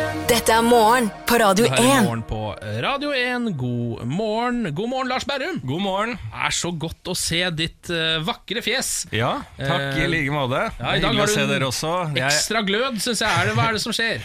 nei, jeg, det er egentlig nervøsitet, da. For uh, da jeg var innom i går, så uh, Altså, etter sending så fikk jeg jo huden full av eh, Siri Kristiansen. Ja. Sto hun utenfor, eh, utenfor leiligheten din nå, eller? Nei, det, det turte jeg ikke å se. Jeg har hatt rullegardinene nede i hele natt og i går, fordi eh, Jeg sendte ham masse dødstrusler på mail. ja, Jeg åpner aldri mail, så det, akkurat det var jeg heldig. jo, altså, det var jo fordi du kom med et lurespørsmål. Jeg kom med et lurespørsmål, eh, og den gikk eh, Siri Kristiansen rett i bar på. Ja. Det var liksom som hvor mange bursdager har gjennomsnittlig en norsk mann. Ja. Så begynte vi å tenke at det hadde noe med liksom gjennomsnittsalder å gjøre, og Siri ga til og med kred fordi det var smart stilt. Ja. Så er det jo svaret én.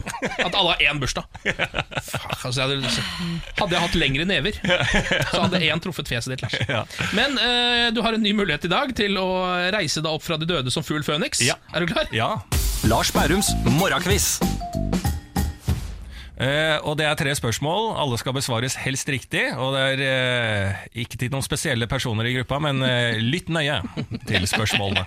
Det er greit. Eh, må, Alle hørte feil på det spørsmålet i går. Dere var enige om. dere må ha et quizlagnavn. Ja, Quizlagnavnet vårt er Fortsatt sur. Ja, fortsatt sur, Ja. Ok, Da går vi inn med det nydelige bakteppet. Ja. Eh, jeg skal gi dere en ganske fin quiz som i hvert fall to tredjedeler av gruppa føler jeg er stødig på. Ja. Det gjelder dessverre ikke deg, Siri, men det er sport. Jeg sier langrenn. Ok, Spørsmål nummer én. Hvilket fotballag har vunnet flest engelske ligatitler? Flest engelske ligatitler, ja. Mm. Eh, Det er vel uh, Manchester, Manchester United. United. Nei, hvor mange er det, da? Fordi De drev og ka kava rundt med Liverpool der, men jeg, nå Jeg tror det, jeg det ligger over. altså Ja. Ja. Jeg tror også Fader, vet du hva, jeg tror kanskje vi har hatt det spørsmålet her før også. Jeg håper ikke vi går på Bomma en vi da? smell. Nei, vi sier menn. Men jeg har ikke hatt akkurat dette her, det kan jeg bekrefte. Ja, det har dere. Ok. Eller avkrefte, da. Eh, ja, kanskje det var den quizklubben jeg er med i på fritiden. Jo, men vi har, hatt- vi har hatt et lignende spørsmål, Å, men ikke ja, akkurat det samme. Men hva sa du? Hvor mange liga? Hvor mange ligatitler nei, Altså, Hvilket fotballag har vunnet flest engelske Ja, ligatitler? det, det er der Det, var ikke, det er ikke Premier League. Det er, er det ikke Å, ja. det er alle? Altså, den, er det ikke det? Altså, er det cup og alt mulig? Ja, Eller, det er er, det liksom, eller er det bare Premier League? Nei, fra liksom Før og etter de bytta navn til Premier League. Da. Det er vel det det er okay. snakk om. Så det er sikkert alt Nei, men Da sier vi ManU, da. Ja, jeg tror vi prøver på det. Altså. Siri, er du enig? Jeg er med på ManU. Du vil ikke ta Niklas Baarli og gå mot strømmen selv om du ikke har peiling? Jeg er frista til å si Liverpool, bare fordi eh, jeg liker Liverpool bedre enn Manchester United. Oi, så ligger oi, eh, oi. altså et eh, håp der. men. Nå blir du uvenner med alle her, altså. Én etter én. Ja, men Da svarer dere Manchester United. Ja. Ok, Da går vi på spørsmål nummer to. Hvilket bilmerke da har vunnet flest Formel 1-mesterskap? Siri! Det må jo være ja, det, Jeg sier Ferrari bare fordi Schumacher kjørte for Ferrari. og Han vant altså, i så mange år og så mye, men det kan godt hende at det er Mercedes òg. Ja, vet du hva, McLaren, liksom? sånn, ja, Hva med sånn Senna og sånn, vet du hva han kjørte for? Han vant kjø- mye. kjører fortsatt, han. Gjør han ikke det? Senna? Nei, ikke Han Senna! er. Gæren! Sorry, jeg blander han med uh, mm, mm. Arten Senna, nei, han, hva kjørte han for? Det vet jeg ikke, det var før min tid. Men eh, det Så du er en Formel 1-fan? det er veldig Ja, ja. gøy. Siri Oi. har fått veldig peiling på det feltet der. Ja, Hun bor i Son, så noe må jo Noe må Jeg står mellom eh, McLaren-laget til. Altså Mercedes, uh, McLaren eller Ferrari, men jeg tror det er Ferrari. Si Ferrari, du. Det Vi støtter deg. Ja. Ok, Da går vi til spørsmål nummer tre. I, id I hvilken idrett finner slash fant vi tyskeren Sven Fischer? Ah, det var Nei. Sven Fischer er ikke han skiskytter. Nei, han er skiskytter. Jeg tror det var sjakk, ja. Hvem er det jeg tenker på tenker på? Bobby Fischer, du. Ja, jeg tenker på Eh, Bobby Fischer. Amerikanske sjakkspilleren. Ja. Men eh, ja, for det, var, Det er ikke langrenn, det er skiskyting? Er Ja, det er det ikke det, skiskyting, da? Jo, jeg mener jo Jeg tror det. Eller er det langrenn? Fader. Nå ble jeg usikker. Fischer, Det er ski. Jeg ser for meg at han skjøt noe greier. Nå, jeg tror det er skiskyting. Altså. ja, ja. ja. Ja, Det var ski, i hvert fall. det var ski, Ja. ikke sjakk. Nei! Nei, ok, da går vi og får alle svarene, da. Er dere spente? Ja. ja. Tror det har vært noen lurespørsmål her, da, Siri Kristiansen? Ja! Jeg håper ikke det. Eh, hvilket fotballag har vunnet flest engelske ligatitler? Her valgte dere å svare Manchester United. Ja, stemmer det. Det tok ikke Liverpool. Nei, vi gjorde ikke det. Nei, det var bra, for det var Manchester United som var bra. Ja. Gratulerer, alle ManU-fans. Mhm. Og så var spørsmål nummer to Hvilket bilmerke har vunnet flest Formel 1-mesterskap? Her kommer du, Siri, på banen med masse masse navn. Jeg visste ikke at du hadde peiling på dette her. Nei, Dette er jo helt kan- enormt. Ja, og du jeg bare frista svarte, til å si masse ting. ja, du svarte Feyayi. Ja, Det er riktig, det. Fy faen, Siri. Her er det Fortsatt sur. Fortsatt Sur leverer veldig bra her. Og så var siste spørsmål. eh, I hvilken idrett finner slash fant vi tyskeren Sven Fischer? Her hadde Siri veldig lyst til å svare eh, Bobby Fischer, altså sjakkspilleren. Ja. eh, det Faen. gjorde Samantha Skogran veldig usikker, og begynte å si nei, kanskje det ikke er skiskyting, kanskje det er langrenn. Eh, og der kommer gravidtåka i, for dette her er vel en fyr du har sett eh, tusen ganger, for det er skiskytter. Det er skiskytter. Ja, Ja, ja. det er helt riktig. Gratulerer, det er tre av tre! Oi, oi, oi, på sport, da, gitt! Dere har reist kjerringa. Ja, det har vi, og det Det har vi, du også, Lars. Ja. Eh, med nivået på quizen i dag var meget høy. Ja. Du er veldig flink i de arbeidsoppgavene du har fått eh, jobben med å utføre. Ja. Takk for i dag. Tusen takk. Morgen på Radio I morgen på Radio 1 med Samantha, med Siri og med Ken. Og nå har vi også fått inn Thomas Alsaker fra Radio Norge-nyhetene. God morgen til deg, Thomas. God morgen, mann. Det er fordi vi skal snakke om en sak som er ganske sånn spesiell. Vi trengte litt hjelp til å nøste opp i dette. For litt over to uker siden så gikk jo da den saudi-arabiske journalisten Jamal Khashoggi inn i Saudi-Arabias konsulat i Istanbul, og så kom han aldri ut derfra igjen. Og nå spekuleres det jo i om Khashoggi har blitt drept inne i konsulatet på oppdrag fra den saudi-arabiske kronprinsen Mohammed bin Salman. Um, Thomas, først kan du ikke forklare hvem denne journalisten er? Altså Jamal Khashoggi, hvem er det? Jo, eh, han eh, var da journalist, avisredaktør i eh, Saudi-Arabia. Ble sett på som opposisjonell, kritiker av kongen og kronprinsen. Reformvennlig, eh, kommer fra en fin familie. Faren hans var opprinnelig tyrkisk, og han kom til Saudi-Arabia som livlege for den daværende kongen. Ja. Og farens bror det var den kjente våpenhandleren Adnan Khashoggi. Han har dere kanskje hørt om? Nei. Eh, han ble annet verdensberømt for å ha verdens største private yacht. Oh ja, okay. Som han hadde tjent til livets opphold på, på å selge våpen på den mest forferdelige vis. Eh, totalt uten eh, noe form for moral. ja. Eh, så kjent ble han her at han til og med Queen lagde en låt om han, som heter Khashoggis Ship. Seriøst? Helt seriøst. Så det er da onkelen til Hamal Khashoggi. Og søsteren til faren igjen da giftet seg med Mohammed Al-Fayed, som jo eh, eier Fulham og Harrods i London, Ja. og er da far til Dodi Al-Fayed. Så Hamal Khashoggi er fetteren til Dodi Al-Fayed, som jo døde sammen med prinsesse Diana i Paris. i denne bilulykken. Dette har jeg aldri hørt før, så det er jo fint. Så det er jo, du, du skjønner familien, da. Ja. Det er jo en fin familie. Men etter hvert så ble han da en kritiker av eh, regimet, og eh, så kutta de Twitter-kontoen hans. Og Ja. da kjente han lusene på gangen, så da flyktet han til USA, og det gjorde han i 2017. Ja. Hva gjorde han egentlig i konsulatet i Istanbul? Du, eh, han skulle gifte seg, eh, og ville tydeligvis ha det formelle i orden. Så han skulle inn i konsulatet for å hente noen papirer, Oi da. For at han da kunne gifte seg for andre gang. Men han skal jo også ha gitt fra seg mobiltelefonene til da sin forlovede som han skulle gifte seg med før han gikk inn. Vet, vi noe hvorfor han har gjort det? Nei, altså, Der er det mange forskjellige rykter som svirrer, ingenting som er konkret. Men han skal visstnok ha fått beskjed om at han ikke skulle ha med seg telefon inn på dette området. At de ville ikke ha telefoner inn i konsulatet. Og, dette ble liksom forklart på en tilforlatelig måte, og derfor så ga han telefon til eh, kona. Men andre hevder jo igjen at han gjorde det med vilje, holdt jeg på å si. eh, for eh, at han ante ugler i mosen og var litt engstelig før han gikk inn. Ja, ikke sant? Um, men det er jo mange som mener at det er Mohammed bin Salman, da kronprinsen i Saudi-Arabia, som eh, på et eller annet vis har bestilt dette drapet. da. Uh, hvem er egentlig han? Du, eh, Kronprins bin Salman han er bare 33 år, og han sitter ved makten nå fordi at eh, kong Salman ikke skal være i stand til å styre. Eh, Det ryktes at han er dement, han er 82 år. Eh, Men det er ikke sånn at eh, de slipper han løs, sånn som prins Henrik av Danmark, som fikk gå rundt og si de utroligste ting i sin demente fase. Her har de gjemt han på et tørkeloft, og så har kronprinsen tatt over. Ja. Men det er ikke sånn at det har skjedd uten sverdslag. Det er jo en enormt svær familie, dette her. De er jo hva skal vi si, ikke ukjent med å ha flere koner, og gjerne 30 unger per kongelig. Og eh, det har vært en maktkamp som gjør at han har på en måte trådt fram. Og han hadde jo da over 100 familiemedlemmer i husarrest på et luksushotell i Riyadh i ni måneder for ikke så lenge siden. Oh, ja. Og det var jo med sånn Hvis ikke du gjør det, da slipper du ikke ut fra dette hotellrommet. Uh, type stil. ja. Uh, Så han er jo ikke noe uh, Altså Han er jo hard i klypen, men samtidig så har han liksom villet gi inntrykk av at han er en reformvennlig, raus type ved å la kvinner kjøre bil. Den saken dere har dere sikkert lagt merke til. Ja. Han har åpnet kinoer i Riyadh. ja. eh, Som viser vestlige filmer, den type ting. De har fått en egen avdeling på fotballarenaer, hvor de kan sitte og se Ja, kvinner. Mm. Ja. Ja, ikke sant? Er det fordi han er eh, et bedre menneske, eh, hvis man kan si det på den måten, eller er det et slags frieri til Vesten? For, eh, Ja, Det er jo ikke godt å si, men eh, det er jo åpenbart også et frieri til Vesten. For de er jo interessert i at eh, si, vestlige penger skal eh, komme til landet. Ja. Og investere i landet og handle med landet. Men eh, nå har jo det fått et skudd for baugen. De skulle jo ha et eh, svært eh, møte eh, med store investorer, bl.a. Richard Branson og andre kjente, der nesten alle har trukket seg pga. denne saken. Ja. Det var jo eh, altså en gruppe menn som da skal ha blitt sendt fra Saudi-Arabia til Istanbul, som da gikk inn i dette konsulatet, og senere da dro igjen. Eh, 15 stykk var det vel? Hva, er det vi, 15 stykk. ja, hva vet vi om de? Vi vet ikke så veldig mye om de, eh, men vi vet at én av de eh, er omtalt som en som alltid er med kronprinsen på utenlandsreiser. Ja. Så det er et kjent fjes, uten Ja. at man helt vet hvem han er og hva han gjør.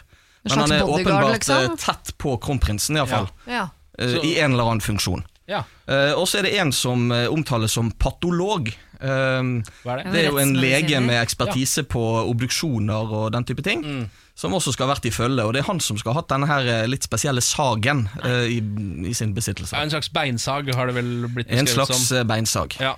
Eh, Men de har jo også hatt litt merkelig oppførsel, disse mennene. Hva er det de har gjort for noe før de Nei, altså De var jo ikke spesielt lenge i Istanbul, for Nei. det første. Det var jo, De kom, de så, de dro.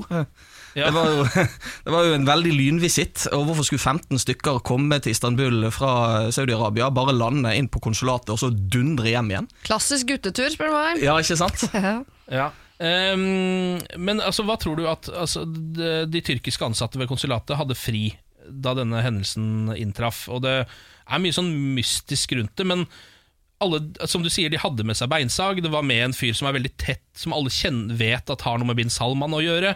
Prøver de liksom å sende et signal, eller er de bare veldig dårlige på å skjule spor? Hvis, det er, hvis alt dette Altså, konsekvensene for Saudi-Arabia blir jo ganske stygge eh, hvis det viser seg at, osv. Og, Ja. og vi vet jo egentlig ikke 100 enda. Nei. Alt som kommer ut, er jo eh, spekulasjoner og anonyme kilder. og En Ja. avis har plukket opp ditt, og en avis har plukket opp datt, og en etterretningskilde fra Tyrkia sier ditt. ikke sant? Ja, Eh, så vi vet jo enda ikke 100 hva som har skjedd. Det er jo viktig å presisere. ja selvfølgelig.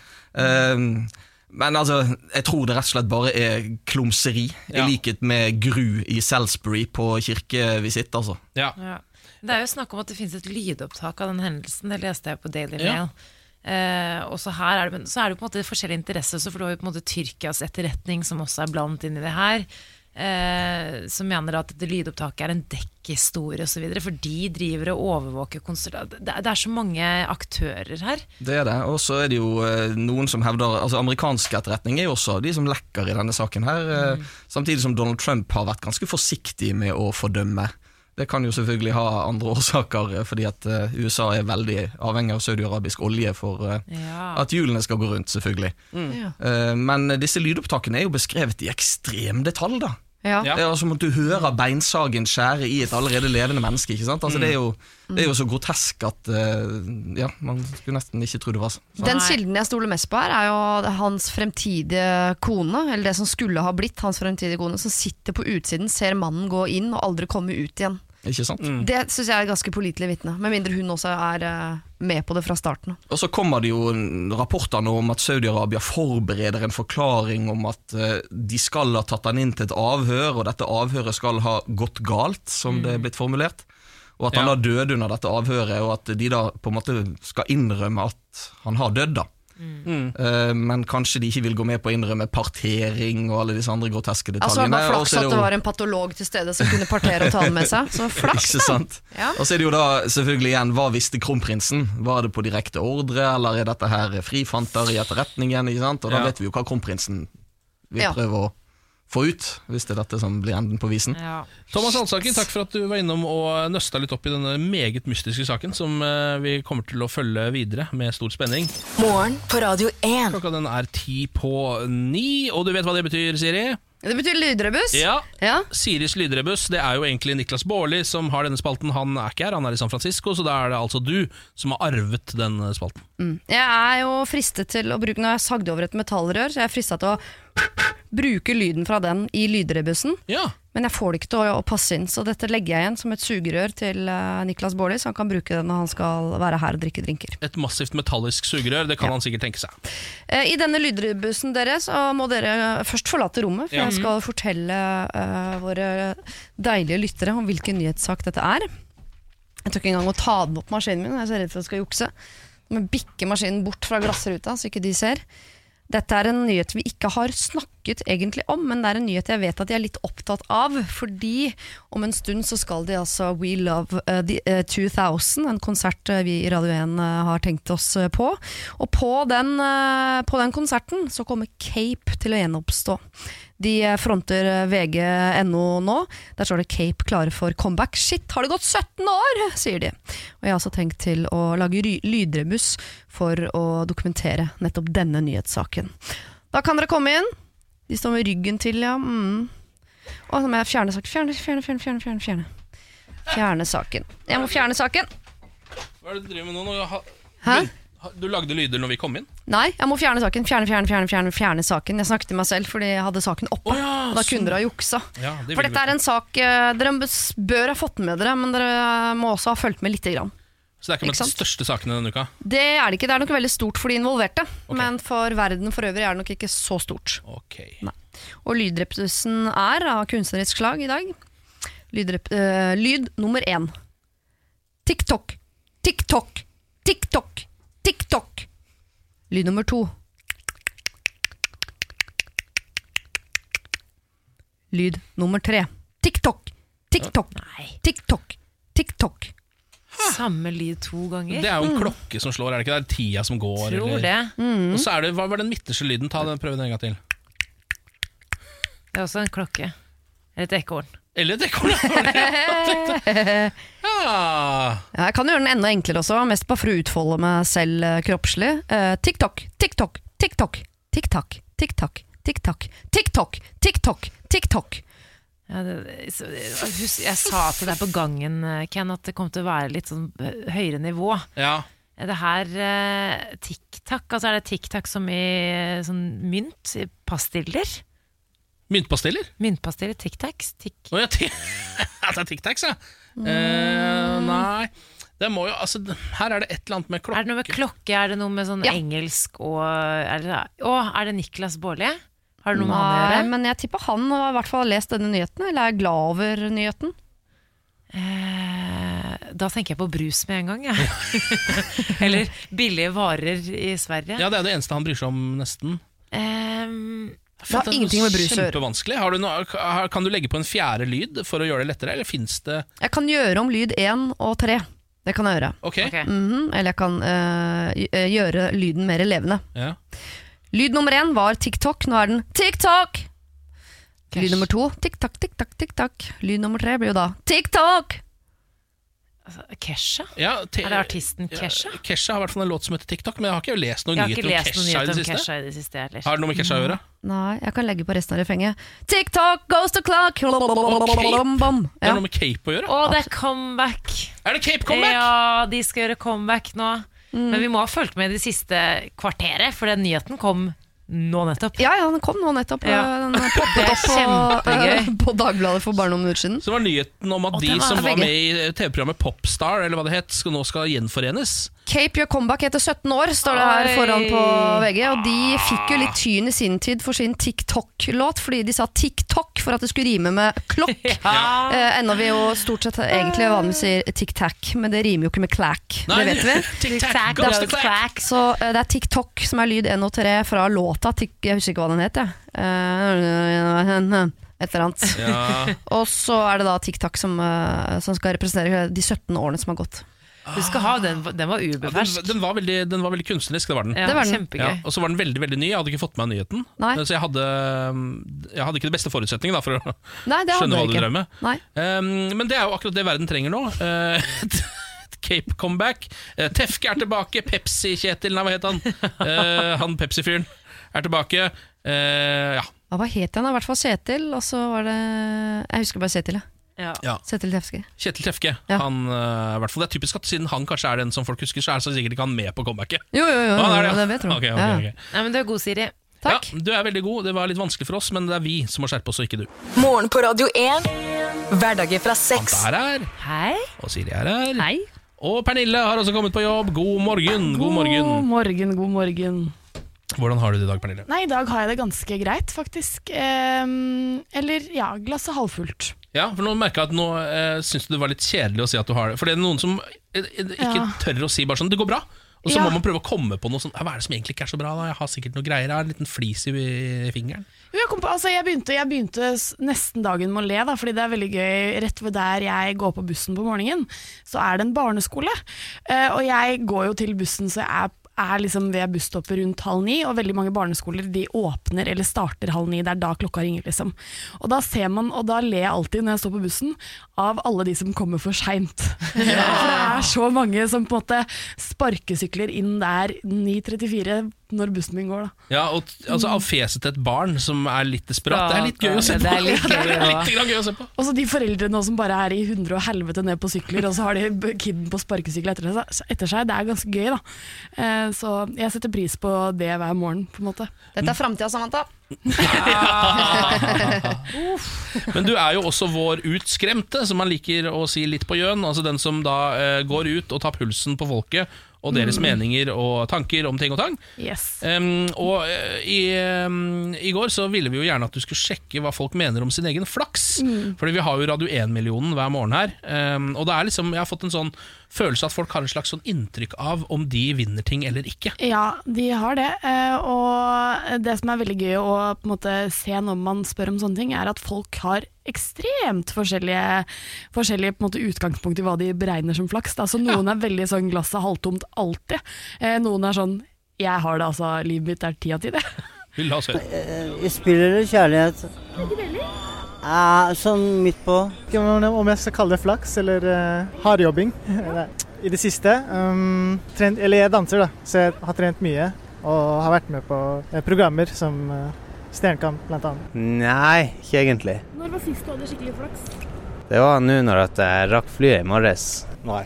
nei. Når var sist du hadde skikkelig flaks? Ja, det er 15 år siden, tenker jeg. Nei, vent, det er mer. Det er 20 år siden. Nei, jeg, jeg, jeg fikk eh, noe tippegevinst, og det var, da, var, det var flaks. Skikkelig uflaks eh, i forrige uke. Da datt jeg i trappa med babyen. Eh, av og til.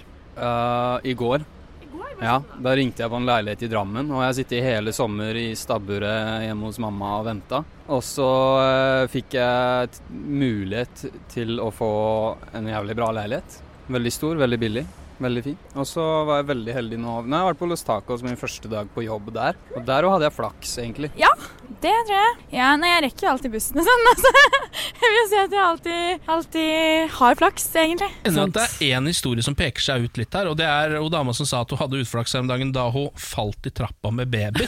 Ja, Men så er sier hun det også litt sånn Det høres ut som det gikk bra, da. Ja, det, altså, hun gikk med babyen i barnevogn da jeg spurte hun, så Ja. det så ut som den levde i beste velgående. Jeg bet meg merke at du traff eh, Brumlemann, altså han som bor på stabbordet hos foreldrene sine, lille bjørnungen. Yes. Som har fått seg både jobb og leilighet i Drammen, da, gitt. Ja, det er. Koselig, da. Mm. Jeg likte hun siste, for jeg bare sånn, bare own it. Jeg har Ekstremt. flaks.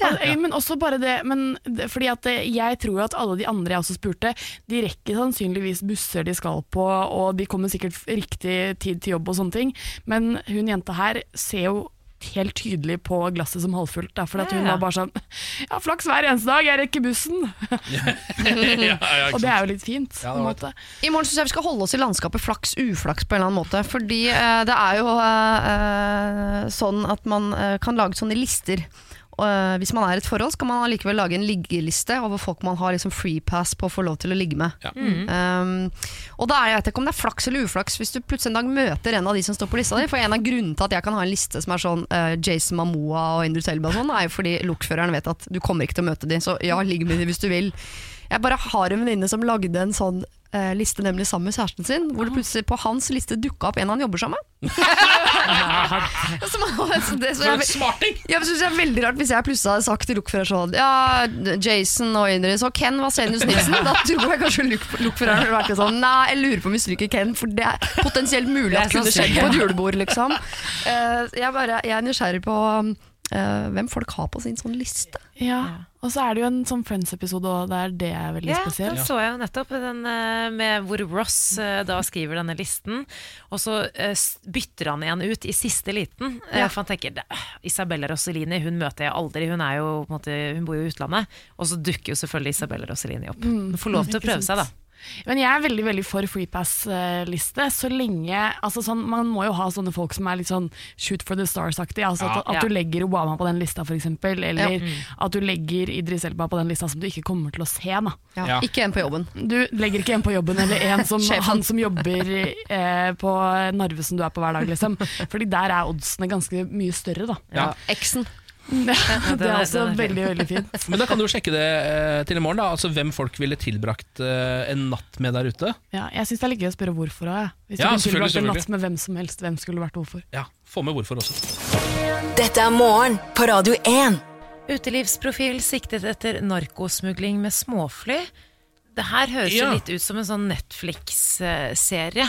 Eh, og vi har faktisk glemt å snakke om denne saken her. Eh, det er, totalt fem stykker er siktet etter at et småfly landet på Kjeller med 50 kilo hasj og en større mengde narkotiske piller på eh, Kjeller flyplass Ja. mandag kveld. Eh, og da hadde allerede alarmen gått hos både politiet og tollvesenet, fordi flyet hadde jo ikke landingstillatelse. Eh, og blant disse fem som er siktet, eh, det er tre tyskere som ble pågrepet på stedet. Det er så mye i denne saken her, men det er i hvert fall også da eh, en nordmann som er siktet. Og ifølge mediene så er denne nordmannen ofte å se på den røde løper.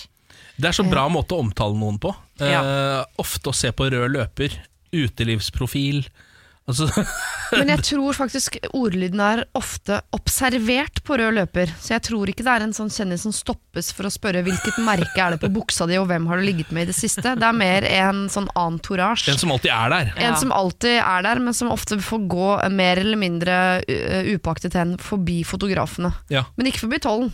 Ikke, forbi tollen. Nei, og han, eh, han var jo ikke jeg, jeg tror ikke han var der da de andre ble pågrepet. Oh, ja. Men Han er vel kunden, da? Hvem vet. Han er i hvert fall siktet for uh, grov narkotikaovertredelse etter denne innførselen med småflyet. Men da blir jeg sånn, jeg blir alltid, jeg er så naiv på sånne type ting. For jeg blir sånn, skjer dette i Norge? At Ja. folk kommer inn med småfly uh, med masse narkotika og lander sånn på fly. Skjer det her? Tydeligvis. Det gjør jo tydeligvis det, da. Eh, og så ja, ringer de opp en utelivsprofil, og så kommer han og plukker det opp, eh, tar det med seg rundt på de røde løperne og distribuerer narkotikaen til de norske kjendisene. Ja. Det er sånn det funker. Og det, begge pilotene var jo, de var jo tyske, og de sa eh, til politiet at de fikk eh, oppdrag om å fly til eh, Oslo, at kunden hadde hastverk. Det kan jo være at de ikke på en måte hadde en god nok plan fordi at de hadde dårlig tid. Da. Ja. Det høres ut som noen her har planlagt en kjempefest uh, og kjøpt inn masse rødvin helt til de skjønner at å nei, de som kom på festen drikker jo ikke rødvin, de røyker hasj. Ja! Jeg må ha 50 kilo av de greiene der, og har tatt noen telefoner til Tyskland og bedt dem få det over. Ja. Er, litt- har dere sett den Johnny Depp-filmen Blow? Ja, det er den jeg tenker på. Fordi den handler jo bare om dette. Altså Hele filmen er en lang kollasj av forskjellige folk som smugler narko inn og ut av forskjellige land. Ja. Og det er altså så sjukt spennende! Det er er film. så Altså. og så blir det jo litt sånn til slutt at du heier på at han ikke skal bli tatt. Ja, ja faktisk. Eh, samme, samme som Catch Me If You Can med Leonardo, Leonardo DiCaprio. Ja. Du heier jo på skurken. Ja, man gjør det til slutt. Man Jeg vet ikke om jeg gjør det i denne saken her, men jeg bare blir sånn Jøss. Lille Norge, ass. Og så kommer moralen på slutten, så sitter man igjen og bare Var det riktig av meg å heie på skurken? Ja. Burde jeg gjort det? Ja. Hva slags menneske slags jeg Hvis jeg menneske på en er jeg skurk, egentlig? så heier jeg på Thomas Crown i Thomas Crown Affair. Kunsttyven. Pierce Brosnan. Mm, Pierce Brosnan. Ah, han er god. Ja, det gjør jeg. Ja, for en slange. Men jeg må vite, jeg syns det er nobelt og fint og flott av deg, Samantha, at det er det eh, du er opptatt av i denne saken. Skjer dette i Norge? Eh, For jeg er et mye mye dårligere menneske. Jeg sitter bare og lurer på Hvem da, utelivsprofil? Mm, mm, mm. Det er de så klar over når de lager, skriver denne saken. Det er det eneste de vil, at folk skal sitte og google dette nå. Absolutt. Prøve å finne ut av hvem det er. Hvem er det sier fra til Nei, ikke gjør det. Morgen på Radio 1. Kjapt innpå her, bare for å si at podkasten nå altså er ved veis ende. Det er ikke med podkast nå. Nå er du kjempegod. Takk. Nå er Dette er veldig informasjonen folk vil ha. Mm. Podkasten er ferdig. Eh, Det er mer podkast i morgen. For eksempel, hvis, du har er hørt det på, hvis dette er torsdagspodkasten, da. har du hørt på den på torsdag, så kommer det en ny i morgen på fredag. Og så kommer jo uh, Julie Bergan, Ja, blant annet. Uh, du kommer på jobb. jeg kommer på jobb. Uh, vi skal kanskje dele ut en million kroner. Ja, Vi får håpe at den millionen går snart. Jeg har så lyst til at den skal ryke. Jeg har så lyst til å sitte her og liksom ha gjort, vært med indirekte på å gjøre noen en million kroner rikere. For jeg lurer på hvilken respons som kommer. Ja, Og så blir jeg litt sånn glad for å snakke med andre mennesker enn dere. No ja. offense, men når folk oh, ja. ringer inn, og så Man har så lyst til å på en måte gi dem noe. Ja, Eh, Spesielt om man blir litt sånn kjent med det. Sånn, så I morgen så kanskje Kanskje det går. Ja, Vi håper det, altså. Ja. Det er jo 0710 i morgen, hvis du også er sånn som både hører på podkast og hører på oss live. Det er kanskje litt rart å gjøre, men uansett. Ja. Vi snakkes! Ha det! Morgen på Radio 1.